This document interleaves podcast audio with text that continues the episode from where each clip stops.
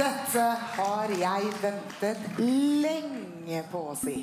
Velkommen til Lytt på nytt. I SV kaller vi en spade for en spade. Det har vært en rein heksejakt. Hvis du klarer å bære fram ett, så bør du kunne klare å bære fram to. Velkommen til Lytt på nytt. Radio Revolt sitt nyhetsprogram. Du hørte riktig. Nå er Lytt på nytt endelig på lufta. Vi hadde sending eh, forrige uke, men den var det ingen som hørte. For den kom verken på radio eller på podkast. Litt tekniske feil fra vår side. Men vi er tilbake nå denne uka. Får håpe det går bedre. Og håper det går bedre denne uka. Nå har vi kontroll, satser vi på. Kanskje. Ja. Vi har jo ikke med vår sjefstekniker i dag, så Nei, men vi får se hvordan det Ja. går. Det har nå i hvert fall vært en spennende nyhetsuke. Altså Nå har endelig liksom koronanyhetene gått litt lenger ned i feeden på nettavisene, og så har vi fått litt andre saker opp, så vi har litt å snakke om i Det dag. er så deilig. Det er litt deilig, ja. Ikke bare korona i monitor, på en måte. Mm. Så ja, vi skal ikke snakke om korona i det hele tatt. Vi skal snakke om helt andre ting. Vi skal annet snakke litt om Sian-demonstrasjonen i Bergen. Vi skal snakke om moskékonflikten i Oslo. Eh, vi skal snakke litt om eh, eh, Russland og forgiftning der. Selvfølgelig må vi snakke litt om Trond Giske Mhm. og eh, venstreledervalg. -hmm. Dette blir en spennende sending. Ja. Eh, yes, eh, da går vi på låt. Vi skal høre på Myra med 100.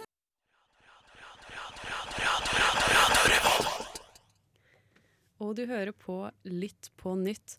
Og nå skal vi snakke om eh, kanskje en av de større sakene som har vært eh, de siste dagene, nemlig en lokalsak for øvrig. Eh, Sian-demonstrasjoner i Bergen. Lokalsak. det har jo vært Ja, det er jo en Ja, okay. lokalsak. Det skjedde lokalt, på en måte. Ja, ok. Så jeg skal forklare litt eh, hva som skjedde da. For da Sian hadde demonstrasjoner på, eh, i Bergen, og det har de hatt litt rundt omkring i landet i det siste. Um, og så møtte det opp en del motdemonstranter. Og det var inngjerding. Det eh, De holdt seg vel for så vidt ganske langt unna en god stund. Men det var liksom roping og prøve å overdøve Sian-demonstrasjonen. Eh, og etter hvert ble det mer og mer eh, hva skal man si, voldsomt, og folk ble litt sånn opp, eh, oppildnet og sånn. Eh, og så var det en som kom seg over gjerdet og klarte å angripe Sian-lederen, eh, som ble ganske skadet, eller begynte i hvert fall å blø, da, så det så litt dramatisk ut. Eh, og da rykket politiet inn eh, og prøvde å beskytte da Sian-lederen, og endte opp med å eh, ta tårgass på demonstrantene, eller motdemonstrantene, da, som sto på området. Så det var ganske mye kaos. Eh, og ja, man får jo litt forskjellige historier fra de forskjellige som var der. Eh, men hva sitter dere igjen med fra denne demonstrasjonen? Altså, jeg forstår jo at folk er sinte. Personlig så er jo jeg sinna òg, men det skaper bare mye mer oppmerksomhet. Sånn Hvis han hadde stått der i en tom folkemengde, det hadde ikke vært samme avisoppslag, men når det er motdemonstranter, så er det jo bare en mye større sak. Men jeg forstår det jo. Men samtidig, det er ikke smart, sånn føler jeg, da. Nei, eh, jeg tenker at eh, det er ikke noe poeng i å ha motdemonstrasjoner. Eh, altså, det, jeg skjønner veldig godt behovet for å si eh, imot når en organisasjon som dette, som man, mange er veldig uenig i, har demonstrasjon, så skjønner jeg det behovet for å liksom stå veldig front mot front og si at det ikke er greit. Men det det fører til, er at eh, Sian får flere innmeldelser. Det har også lederen gått ut og sagt, at dette er nettopp det vi ønsker når vi har demonstrasjoner. Vi får høyere eh, medlemstall, vi får penger sendt til oss. Eh, folk, altså flere blir på en måte med på Sian sin sak, fordi at motdemonstrantene virker som the bad guys når eh, det blir en slags sånn situasjon. Ja, det er jo altså det, er det jeg tenker. Det er jo ganske fucket når det liksom Sian folk syns synd på i en sak, og Ja. sånn skal det ikke være. For Sian har en Altså, formålet deres er jo helt forferdelig. Altså, det er jo en organisasjon som ønsker å få muslimer ut av Norge. Ja, Det er jo det organisasjonen heter. Stopp islamisering av Norge. Ja. Men det tenkte jeg også, fordi i Kristiansand det fikk jo en ganske stor sak, for det endte jo opp med at de brente Koranen. Og de hadde faktisk søkt om dette her, men de fikk saken avslått. Og det var veldig mange mat, øh, mat motdemonstranter som var der, og det var det som førte at det blåste opp. Det var i alle aviser. Før så var det én sak i Fevennen, liksom. Og det er jo det som blir resultatet. Og de er ikke dumme. De vet jo at dette kommer til å skje når motdemonstranter dukker opp. Eh, men er det greit av politiet å bruke tåregass? Hva tenker dere om Det det? er jo et godt spørsmål. Altså der, eh, politiet har jo gått ut i ettertid og sagt at eh, de, de står for det valget. At de jeg holdt på å si gasset mot demonstrantene. Det høres helt men så er det jo veldig mange som har gått ut, som var der, som annet har lagt ut sånn ah, I was uh, gassed by the police in Norway. Eh, og at de driver og gasser barn, og at folk har prøvd å beskytte barn. og Altså, jeg, jeg kan være enig i at eh, Eller vi var der jo ikke, så det er vanskelig for oss å si, men jeg kan skjønne at mange reagerer på politiets eh, håndtering av situasjonen. Men eh, jeg føler at det er veldig mange som bruker, bruker det som en sånn Nå kan vi òg være antipolitiet, nå kan vi òg være sinte, og vi kan være helter i demonstrasjoner. Er Nesten som det, det er blitt et ideal etter mye som Black Lives Matter og det at det er mye demonstrasjoner rundt i verden. At man har lyst også, man har også lyst til å kjempe den liksom store kampen mot systemet og mot noe stort. Eh, men her, her er det på en måte i i stor grad motdemonstrantene som kanskje har tatt et litt feil valg. Men som sagt, altså kan jeg veldig skjønne at, at de blir sure, selvfølgelig. Eh, og så tenker jeg jo på det her med Black Lives Matter. da. Jeg skjønner at folk demonstrerer, men BLM da demonstrerte de for like rettigheter. Mens her så demonstrerer de fordi at de ikke liker det Sian sier. Og vi har ytringsfrihet på tross at dette her er den dumme konsekvensen av ytringsfrihet. Men det er den retten vi har. Han fysisk gjør ikke noe kriminelt. Og selv om han er en drittperson med drittmeninger, ifølge meg, så betyr det ikke at han fortjener vold. Og det er liksom det. Jeg skjønner for det første at eh, folk reagerer, og folk klikker rett og slett når de hører sånne, sånn type retorikk, kanskje brukt mot seg, føler de. Og eh, jeg skjønner òg at eh, folk kan bli sinte på politiet, men jeg tror folk må huske at politiet har nok mest sannsynlig ikke hatt lyst til å beskytte Sian-lederen, men det er jobben deres. Er. Uansett hvor lite de vil det. Ja. Ja, nei, eh, nei vi eh, ja, skjønner veldig godt at motdemonstrantene skje- eh, skjedde, men vi håper at man i framtiden tenker litt mer på konsekvensene av potensielle motdemonstrasjoner og hvordan det kan gå. Og se ut. Ja. Vi skal høre på en ny låt. Vi skal høre på Musti med 'Fremtiden'. Hei, det er Kyra Gørvla Kygo Nei, bare kødda. Det er Thomas Seltzer. 30 år eldre enn Kygo. Og du hører på Radio Revolt. Det stemmer, og du hører på Lytt på nytt. Eh, og fra Sian-sak til moskékonflikt. Det passa litt bra, egentlig. Ja, det var nesten litt glidende overgang der. Eh, ja, fordi at det, har, det skjer noe greier i moskeen eh, for tiden. I Tafik-moskeen. Den på Grønland i Oslo. Mm, største. Det, ja, det er vel den største i landet. Mm. Noen 7000-8000 medlemmer eller et eller annet 8000. sånt. 8000, Mm. ja. Men hva er det som skjer i denne saken? Sånn, dette her føler jeg blir litt synsing, da. For det er ikke Jeg har prøvd å lese meg opp på det, men det er ikke dekka så veldig grundig, som jeg har følt. da, Men det er, eh, kvinnene har ikke fått lov å ta del i egentlig en del av de økonomiske tingene som har foregått i moskeen. For de får 8 millioner i statsstøtte årlig, men de har ikke fått lov å velge hvordan støtten skal bli fordelt. Og dette er de ganske lei av. Og så skulle det vært møte da, eh, hvor de skulle velge medlemmer eller noe sånt. Velge et nytt styre, vel. Ja, velge et nytt Mm. styre. Og så endte det opp med at eh, de stengte kvinneinnganger. Så kvinnene fikk ikke lov. For det er to, to ulike innganger i den moskeen. Hvor menn kan inn, og kvinner kan gå inn. Men kvinnene sin dør ble stengt, så de fikk ikke lov å bli med på møtet. Og det endte opp med at alle klikka, og politiet måtte gå der, for de prøvde jo å storme inn og alt dette her. Ja, ja, og det de vel eh, brukte til forsvar når de skulle stemme dette styret, var at eh, korona og smittetiltak gjorde at ikke kvinnene kunne komme inn kvinneinngangen, men da hadde de jo tydeligvis ikke alternativ til det, da. Men, men sånn generelt så har det vært en del styr med det styret og vedtektene i, eh, i moskeen på Grønland. Eh, hvor da både det aspektet at kvinnene ikke har fått så mye de skulle sagt, eh, og at det generelt har vært et styre som ikke har hatt flertall, kan det virke som, eller vært upopulære blant eh, noen av medlemmene. Og så er det annet satt opp alternative styrer for å prøve å gå imot det, det opprinnelige styret. Sånn at det har vært mye rot Og så har det vært noen klangreier òg der. Det, er- det er mye som er vanskelig å forstå. Ja. fordi- ja. Det er jo, og så er det jo vanskelig for oss å forstå som ikke er del i det trossamfunnet òg, da. Ja, og det jeg kan si er at eh, jeg har hørt en del intervjuer med de som eh, er medlem av moskeen, og prøvd å liksom forklare, og det er mye forvirring innad også.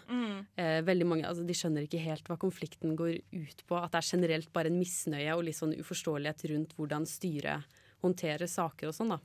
Men i Norge så er jo det òg ikke det kirkevalg fjerde år. Hvis det hadde vært noe med det valget som gjorde at sånn halvparten av medlemmene av Den norske kirken ikke fikk stemt, så hadde jo det valget jeg går jo ut ifra og håper at det valget hadde måttet blitt gjort om igjen, fordi det Ja, ikke er ikke et gyldig valgresultat. Mm. Det er jo ja, det er veldig spesielt. Ja, for der har staten gått inn, fordi at de får jo statsstøtte. Men da må Mm. de komme og ha visse vedtekter og liksom ting i orden da, for å være en sånn organisasjon for å få støtte. Og der har det visst vært en del som ikke er på plass, og det er jo derfor de ikke har fått statsstøtte nå når de skulle ha fått det. Og de må løse opp i disse konfliktene for at det skal kunne være gyldig for å få penger, da. Og det som får meg til å reagere litt, da, det er for kvinner og barn de er flertallet av denne her eh, moskeen. Mm. Og de får ikke lov å være med på å stille til valg og faktisk påvirke det de er flertallet av. Det er, en, de, det er jo en form for undertrykkelse, da. Ja. Men ja, det finnes jo eh, kanskje regler for hvem som får være medlem, men du skal jo få stemmerett stemmerett. Selv om du ikke får stille til valg, da. Altså, Det minner jo om visse land da, som faktisk bare stenger valglokaler og sånn, og hvor vi som Norge kritiserer. Og da burde vi gå inn og si dette er ikke greit, dere får ikke statsstøtte. Med mindre faktisk det er en form for likestilling. Mm. Og det er jo et valg. Ja, og da tenker jeg det er veldig fint at de nå tar en slags sånn opprensking, selv om det også har vært litt eh, vanskeligheter med stemming med kvinneinngang og sånn, så er det veldig fint at det får litt oppmerksomhet da, nå som de skal ta den opprensningen opprenskningen på hvordan systemet har vært til nå. Eh, og at eh, ja, vi også snakker om det på radio, at folk vet at det skjer. Eh, og at vi følger med på at det går riktig hen. Vi skal eh, gå videre. Eh, vi skal snakke om venstreleder etter vi har hørt musikk. Og vi skal høre på eh, S1 Sko med Sigrid Undset. Og så skal vi høre på Boy Pablo med Rest Up. Vi holder oss eh, fremdeles på lokalsaker her på Lytt på nytt. Eller lokalsaker. Det er ikke- er Nasjonalsak, tenkte jeg egentlig å si. Vi skal ikke ut av landet ennå, for å si det sånn. For vi skal snakke litt om eh, venstre jeg skulle til å si ledervalg, men hva heter det? Man- Innstilling. innstilling. Ja. Innstilling til lederverv i Venstre. For det har det jo vært snakk om jeg vet ikke, et år føler det har vært mer. tre. Det har vært så lenge det har vært snakk om eh, hvem som skal bli neste leder. Og så trakk jo Trine Skei Grande seg Mm. idet koronaen traff Norge i mars. Ja. Så de har egentlig gått et halvt år nå bare vært i sånn limbo. Hvor de liksom Ja. De har ikke hatt en egentlig leder. Nei. Men samtidig har de hatt en, Men samtidig ikke. Ja, ja. Ja, det har vært en veldig sånn rar mellomperiode nå. Men nå er eh, Guri Melby innstilt som leder. Eh, Så det blir spennende å se om hun eh, blir valgt. Jeg tipper at hun blir valgt. Har ikke Ro Rotevatn gått ut og sagt at han ikke vil stille mot henne? Eller? Det kan godt Det skal jeg ikke si for sikkert. Men, men det er jo et spenningsmoment. Altså, de kan jo benke seg selv. Mm. Eh, så det, det trenger ikke å bli Guri Melby til Ja. dette ledervervet, da. Men sannsynligvis, Mhm. vil jeg jo si. Men samtidig føler jeg Rotevatn Han er liksom sånn godkar, da. Så hvis liksom hun er innstilt på sånn Nei, nei, jeg vil ikke stå i veien for dette. Ja. Men samtidig var han- òg den første til å si 'jeg stiller til mm. Det det som leder av. Venstre'.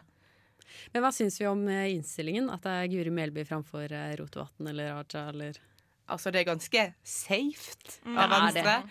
Eh, Det er ikke det som vil kaste de over sperregrensen, for å si det sånn. Fordi altså, hun er en flink politiker, men hun er ikke veldig Jeg har iallfall ikke opplevd hun som en veldig sånn som når ut til folk som ikke stemmer Venstre fra før av, og de som liksom Nei. er på vippen, liksom, kanskje. Nei, for Det er nok veldig safe for Venstre som parti, for innad så er det jo mye sånn Det er jo mange som liker Ja. Raja, mange som misliker Raja veldig sterkt. Så det kan jo fort, kunne fort ha ført til eh, splittelser innad. Men eh, det, ja, det er vanskelig å si hvem som kan dra de over sperregrensen. For jeg føler at Raja enten kunne liksom heve partiet, eller sunke det, liksom. Ja. Hvis du skjønner. Fordi han er egentlig øh, generelt i Norge er han ganske godt likt. Ja, han er Han er veldig Ja, folkelig Han er ekstremt folkelig, så jeg tror det faktisk kunne sørga for flere innmeldinger. Mm. Men det er valg, hvordan han ville videreført den politikken, da. Ja.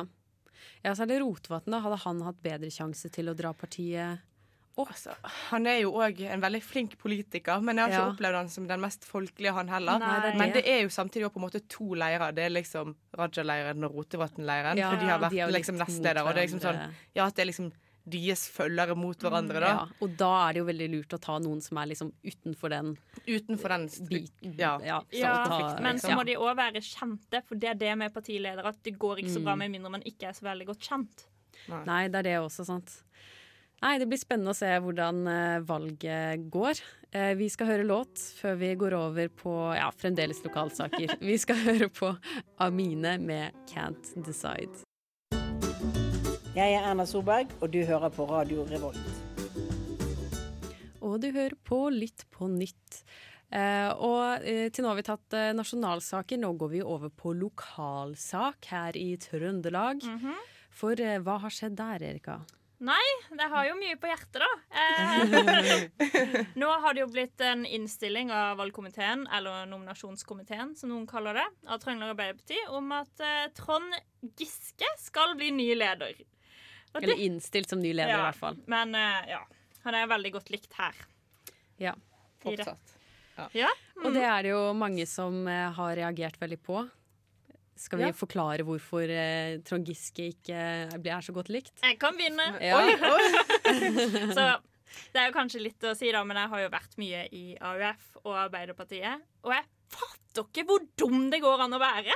Sånn, Han har blitt tatt for seksuell trakassering, og et styre finner ut at oi, dette er smart å innstille en seksuell trakasserer til å være som leder, hvor han kommer til å være med masse AUF-ere under 18 og alkohol. For det, alle vet da ingenting. Arbeiderpartiet er mer enn å ha alkohol på møter. Det blir ferdig etter metoo. Men poenget er at det er bare helt dritt, og jeg skjønner ikke hvor dum det går an å bli. Og dette påvirker partiet.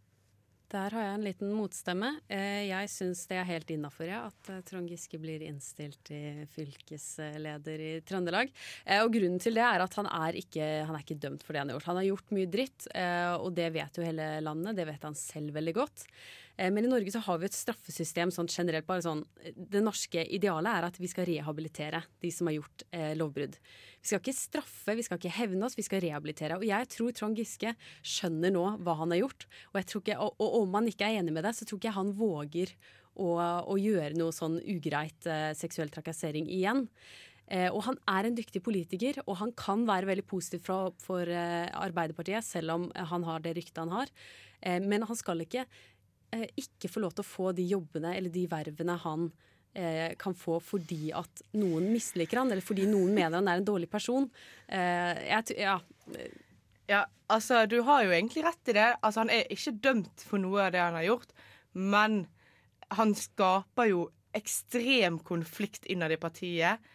Kvinne, eh, altså, lederen for kvinnenettverket i Arbeiderpartiet, Anette Trettebergstuen, sier det er for tidlig og sier at han må trekke seg. Var det homonettverket òg som hadde gått ut mot han? Erika? Ja, Leder av Homonettverket har gått ut han, og de har fått tre utmeldinger av det pga. han. Og det var vel 89 utmeldinger i tillegg i Arbeiderpartiet bare i dag. Men det er demokratiet. Det er, altså, de har all rett til å si at de ikke syns han er egnet for uh, vervet sitt. Men så kan de da også benke han, eller de kan sørge for, eller ikke sørge for, da, men i hvert fall prøve å påvirke sånn at han ikke blir valgt. Men han skal ikke ikke kunne bli valgt. Nei, det, du, du har helt rett i det, fordi vi lever i et demokrati. Men altså, hadde jeg vært han, så hadde jeg innsett jeg er en jævlig god politiker, men jeg har gjort noen ting som gjør at jeg aldri kommer til å liksom bli, nå mitt fulle potensial som jeg egentlig burde nådd. Og Jo, ja. Men er det riktig at han skal gå helt ut av politikken fordi at han har gjort oppført seg på en dårlig måte, og det har han jo selvfølgelig, og det er ikke greit. Men skal han bli helt utestengt fra det politiske miljøet pga. det? Eh, altså, det er jo opp til han sjøl, men jeg mener at han nå på en måte Veldig mange velger å gå inn i politikken av grunner større enn seg sjøl. Han går inn i politikken, og det virker veldig klart, sånn som han driver på nå, for sin egen vinning. Mer, mer enn å tenke på partiet sitt beste. Men tror dere ikke, hvis, hvis disse sakene ikke hadde kommet fram, tror dere ikke da at Trond Giske hadde hatt en veldig positiv påvirkning på partiet? Nei. For han er jo en god politiker. Ja, men inni Ja, partiet har han alltid hatt et dårlig rykte. Ja, alltid. Jeg fikk høre det når jeg gikk i AUF. Og det, Reitan kom ut i dag og sa at dette her er liksom noe jeg opplevde gjennom hele min AUF-periode. Hvor hun sa vi fikk beskjed, og ga beskjed til AUF-ere, ikke gå ut til visse personer i baren når de var på politiske møter. Men så skal man velge disse til verv som du egentlig ikke kan snakke med, for de oppfører seg ikke passende. Og nei, det går ikke utover ø, demokratiet, fordi det går Hvis Jonas Gahr Støre hadde kommet ut og sagt, for han ble pressa på det, og sa nei, dette syns ikke er greit, det ble feil. Ja. Men det handler om at du pisser på ofrene, eller varslerne. De har varslerne om dette, og først så kommer boka til kona Haddy. Haddy? Ja. Mm. Og så, som egentlig basic, ja, som bare kaller de løgnere. Og så snakker Sunniva Andreassen om hvordan det, den varslersaken hun eh, gjennomgikk, eh, på kvinnedagen. Og så nå kommer de og bare sånn Nei, nei, det her går fint. Det har nesten bare gått tre år, men dere må leve med dette her. Jo, men det, ja, jeg, jeg skjønner selvfølgelig veldig godt det, og Trond Giske jo, har jo gjort uh, ufine ting, det er det ingen tvil om. Men så er det jo to sider av saken, han har jo sin uh, historie og alt det der. Men, men det handler jo litt om rolle òg. Altså, kan du ikke ha en altså det, er jo, det er jo en stilling, det er jo en arbeidsstilling, det er en jobb. Kan man ikke gjøre en god jobb selv om man er et jeg holdt på å si, hermetegn, dårlig menneske eller kan gjøre dårlige ting på privaten? Men jeg skjønner hva du mener, fordi ja, selvfølgelig er det viktig at, å rehabilitere folk. Jeg hadde ikke vært så irritert hvis han hadde fått en type sånn politisk rådgiver da, med Trøndelag Arbeiderparti, en stilling der, fordi han er veldig flink. Men det er jo en måte på å gjøre rehabilitering. Du tar ikke en som har eh, begått overgrep på barn og setter henne i en barnehage. Men det er ikke, ja, det, er jo ikke det han uh, gjør heller, da. Men det var, han, han drev jo seksuelt trakasserte folk i partiet, og han ble satt tilbake i partiet. Men tror du han kommer til å gjøre det igjen? Da? For det er jo det at ja, det, det er jo vanskelig å si, da, men man kan jo diskutere i Jeg må bare ha uendeligheten. én siste ting ja, å si. Siste ting. Og det er hva slags signal dette setter til andre partifeller, menn som kanskje oppfører seg upassende med kvinner. og Sånn. Det Nei, går men greit. det gjør det jo ikke, Erika. Han har jo fått helt enorme konsekvenser. Han- jeg tror ikke dette Nei, det viser har at det er helt ikke. greit. Ja, nei, uansett. eh, Husk at Erika er inhabil egentlig her. Så Ja, og vi kunne diskutert dette i uendeligheten, det er jeg helt sikker på. Men vi må høre låt, og så må vi gå videre i programmet. Vi skal høre på Pompoko med Andrew. Og vi fortsetter programmet her på Lytt på nytt, og nå skal vi utenriks. Vi skal til Russland. Vi skal til Russland, for uh, altså, dette her er jo som tatt rett ut fra en film. Det er Ja. Å, nei, eller den Anastasia, vet du. Den der uh, Romankloff-familien.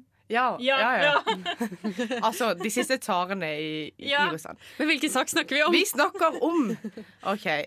Eh, en av de største kritikerne til Putin ble forrige uke eh, plutselig akutt veldig dårlig på et fly fra, er det, fra Tomsk i Sibir til Moskva.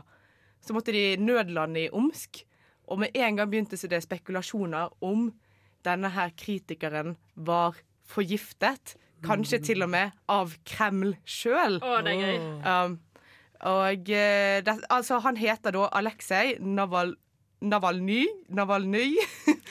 eh, og han er en antikorrupsjonsaktivist. Eh, han eh, Altså, han er på en måte en stor kritiker av Putin, men samtidig så er han liksom Han er ikke så vestlig, egentlig. Han er det han kaller seg Han kaller seg sjøl en demokrat En, en, nasjonaldemokrat.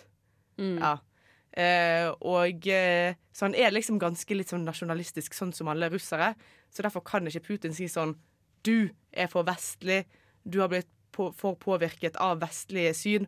Men han skjønner til fortsatt at korrupsjonen som de driver med i Russland, er helt grusom og ender i ting som forgiftning. Ja, for det gjør at uh, han eh, er ganske godt likt. Fordi at han har ganske sånn lik politikk som Putin, bare at han vil ha demokrati, eller mer sånn Ja, altså, ikke ha den korrupsjonsbiten. Han har en stor følgerbase. Han, Ja. han er en av de mm, liksom eh, De med mest følgere av kritikerne til Putin. Ja, så han er en reell trussel. Han er en reell trussel, og Mm. derfor har han tidligere blitt satt i fengsel. Han har mistanke om forgiftning tidligere. Mm. Da sa de at det var en allergisk reaksjon. Eh, men nå eh, Han ble sett drikke en kopp te på flyplassen i Tomsk. Og på flyet så hører, hører folk plutselig hyl og skrik fra doen. Og, og så må de nødlande, og han blir fraktet i ambulanse. Ligger i kunstig koma i flere dager. Nå er han overført med ambulansefly til Charité-sykehuset i Berlin. Det er helt vilt. Og legene fra sykehuset i Omsk sier at det var en reaksjon på lavt blodsukker. Nei. Men, men te den ledende teorien er vel at dette er en eller annen gift Ja, ennå, men som har fungert over liksom tre måneder, liksom over ganske lang tid. Ja, og, Ja. ja, og de legene fra Charité-sykehuset sier at det finnes kliniske bevis på at det er liksom giftstoffer i kroppen som kommer fra et eller annet eh, enzym Altså, jeg skal ikke gå inn på det medisinske, Nei, ja. men det finnes reelle bevis på at han kan faktisk være forgiftet. Mm. Og det er skikkelig spennende. Og, og helt forferdelig, selvfølgelig. Helt Ja, forferdelig ja, at eh, men, altså, snakk om, altså, dette skjer i den virkelige verden, at, og det at man bruker gift også, er ikke det litt sånn Jo, det er veldig sånn skurk fra det er film. Veldig. Men, og, jeg Det er litt tror, komisk. og jeg tror at det er et bevisst, bevisst virkemiddel som Putin bruker. Mm. For liksom, det er nesten mindre truende å tenke sånn at du kan bli skutt når som helst, for Ja, liksom, ja, da dør du. Men liksom aldri være sikker på det du puster du inn, det du spiser, det du drikker. Og det er liksom sånn, du vet at når du kritiserer Putin, så er dette straffen du kan få ut Ja. av hvor som helst. Du ser det ikke komme. Men så er det heller ikke noe nytt, for det har jo vært flere som har blitt forgifta, som har kritisert Russland eller Putin. Det var noen journalister som hadde rømt fra, fra Russland og var i England, og de hadde blitt forgifta der. Og da var det ganske sikkert at det er normalt, liksom. Ja, ja, ja, ja. Det er et virkemiddel han bruker eh, og, altså relativt ofte til å være en, en statsleder. Ja, nei, Det er ganske utrolig. Og det er jo også flere fra statsledere som har kritisert eh, nettopp dette her og sier Mm. at dette må undersøkes bedre. Nei, Det blir spennende å se hvordan det går. Eh, vi skal høre på eh, 'Trist pike' med guide til Europas natteliv. Hei, det er Kyra Gørvla Kygo. Nei, bare kødda. Det er Thomas Seltzer. 30 år eldre enn Kygo. eh, Og du hører på Radio Revolt. Og du hører på Lytt på nytt. Og nå skal vi ha siste sak i dagens sending, og det er eh, den beryktede Tangen-saken. Eller Norges Bank-saken. Ja, som vi egentlig Eller skal kalle det. Statens pensjonsfond utland-saken. Så ja. Ja. ja, for Tangen er jo blitt ny eh, eh, Å, hva er stillingen? Uh, sjef, da. Leder. He's the boss av Statens pensjonsfond utland, eller oljefondet, som vi også kaller det. det er i hvert fall han blitt eh, leder av nå, da. Eller han ble det for en stund siden. Og så har det jo vært litt sånn fram og tilbake på om Ja, han har noen sånn eh, Ja, litt sånn motstridende Sånn- interesser, og at det er litt, Litt sånn amper stemning, føler jeg. Ja.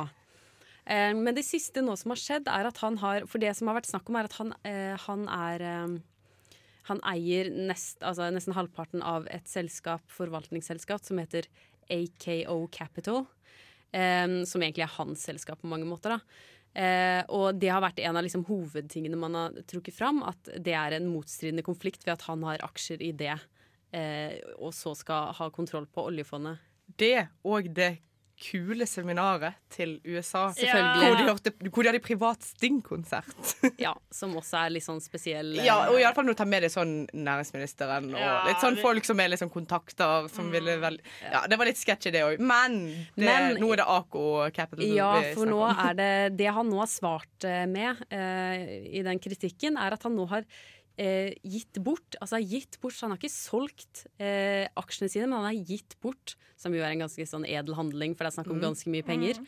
Eh, 46, altså de 46 prosentene eh, som han hadde investert i eh, dette selskapet. Og så kan han aldri få de tilbake heller. Nei. Og det er jo ganske viktig, for det er ikke sånn OK, jeg bare blir kvitt det til liksom jeg er ferdig. Han kan aldri få disse aksjene tilbake. Og han har ikke fått noen profitt på det heller, for Mm. han har gitt de bort istedenfor mm. å solgt de. Eh, For en det- nobel fyr. Det er ganske nobelt, altså. Jo da, det er en ganske stor uh, ting å gjøre. Ja. Absolutt. Ja, ja, ja. Jeg tror faktisk at han er Jeg tenkte før alt dette greiene Å, han virker som en kul sjef. Ja. Boss. Ja, ja. Jo, men nå har han i hvert fall litt mer på det rene, da. Men det er visst fremdeles Altså, dette er en litt vanskelig sak å skjønne seg på, men det er visst fremdeles flere eh, konflikter i det her. Um, men eh, ja, nå har vi i hvert fall løst hovedkritikken ved Mm. han. Så eh, vi skal eh, høre på en ny låt. Det var en kjapp oppsummering av den saken og hvordan det går. Nesten løst vi... er svaret. Ja, Ja. nesten løst. Det går fint, folkens. Vi klarer oss. Vi skal høre på eh, Dune Sia med Shaman. Hi, my name is Bob the Drag Queen, and you are listening to Radio Revolt. Og du hører eh, siste del av Lytt på nytt. Vi, eh, vi nærmer oss eh, avslutningen, men før vi avslutter helt, så har vi et lite tips på tampen. Eh, fordi Samfunnet har jo hatt opptak, men det var frist eh, Denne uken denne søndag. uke søndag. Ja. Men Isfit har fremdeles eh, ikke utgått frist, og vi skal høre litt fra eh, Studentenes fredspris, som da er en seksjon innenfor Isfit. Hei, Lytt på nytt. Mitt navn er Thomas Gjedebo, og jeg er leder for Studentenes fredspris. Vi i Studentenes fredspris vi deler hvert andre år ut en pris til en student eller studentorganisasjon som har jobba særlig for fred, demokrati og menneskerettigheter. Det har vi gjort siden 1999, og vi gjør det på vegne av alle norske studenter gjennom et samarbeid med SIH og Norsk studentorganisasjon. I år så kommer kunngjøringa til å være 15. og den vil avholdes på Litteraturhuset i Oslo, men også på Storsalen på Samfunnet her i Trondheim. Deretter, dagen etterpå, så vil det legges ned et eh, monument, en stein, i eh, Jomfrugata i Midtbyen, det vi kaller vår egen lille Walk of Fame, eller Walk of Peace, eh, med alle fredsprisvinnerne. Så følg med på det. Men det jeg mest ønsker å snakke om i dag, det er opptak. For vi som jobber med fredsprisen, vi sitter i sekretariatet for Studentenes fredspris, som er en del av ISFIT, den internasjonale studentfestivalen i Trondheim. Vi har for tida opptak, og vi leter etter engasjerte frivillige som har lyst til å skape festival og fredspris. Fristen for å søke er mandag 31. august, og man søker gjennom isfit.org. Hos oss kan man jobbe med alt fra konserter, utstillinger og seremonier til transport, velferd, HR og masse, masse mer. Vi tar opp eh, 200 frivillige, og alle får komme på intervju. Så vi håper vi ser dere der. Tusen takk for eh, at jeg fikk eh, ha en liten oppmerksomhet på radioprogrammet deres. Så spennende. Da er det bare å søke, søke, søke. Det høres ut som et veldig spennende verv. Får lyst til å søke selv, må jeg si. Vi eh, er ferdig for i dag, folkens. Det ble Mhm. mye nasjonalsaker, bitte litt utenriks i Russland, men ellers er det mye som skjer her i Norge. Det er spennende når det er sånne uker hvor Ja, liksom det er gøy. Ja. I hvert fall nå som vi har hatt så mye korona i det siste. Yes, da skal vi høre siste låt. Det er eh, Baron Womb med 'Fairy Palms'.